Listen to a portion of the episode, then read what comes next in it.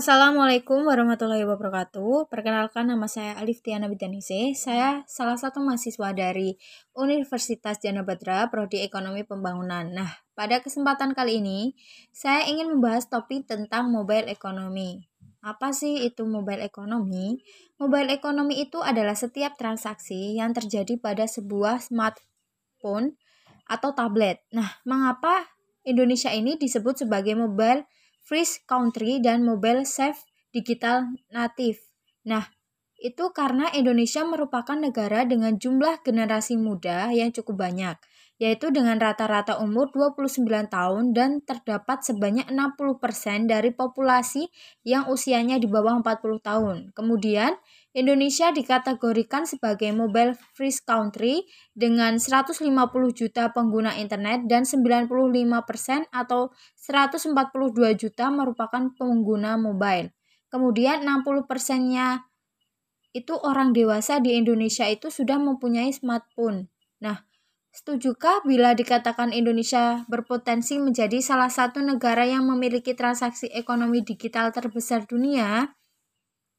Menurut saya itu setuju karena penduduk Indonesia banyak menggunakan internet. Seperti halnya pada pandemi Covid kali ini, hampir semua pekerjaan dilakukan di rumah dan mayoritas menggunakan internet untuk cara berkomunikasi, entah itu melalui Zoom atau aplikasi yang lain. E, tidak hanya itu, berbelanja pun sekarang menggunakan cara pesan lewat aplikasi terlebih dahulu. Hal ini bisa menjadikan Indonesia sebagai negara yang memiliki transaksi digital terbesar. Nah, Jelaskan dengan baik gambar di samping ini. Yang pertama itu ada mobile ekonomi itu yang tadi setiap transaksi yang terjadi pada sebuah smartphone atau tablet. Nah, kemudian ada konektivitas internet itu adalah persyaratan utama untuk digital masyarakat. Mobile adalah platform untuk akses internet. Selain itu, ekosistem seluler yang lebih luas menyediakan perangkat aplikasi dan layanan di mana masyarakat digital dibangun. Nah, kemudian masyarakat digital mengacu pada masyarakat modern di mana warganya berinteraksi secara mulus dengan berbagai aspek kehidupan sosial dan ekonomi mereka melalui saluran digital, melalui jaringan perangkat yang terhubung secara cerdas dan layanan yang dapat dioperasikan.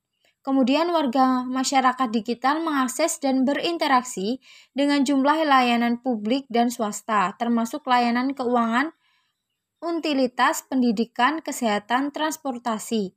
Nah, dan kapan saja dan di mana saja menggunakan teknologi digital itu. Terima kasih. Wassalamualaikum warahmatullahi wabarakatuh.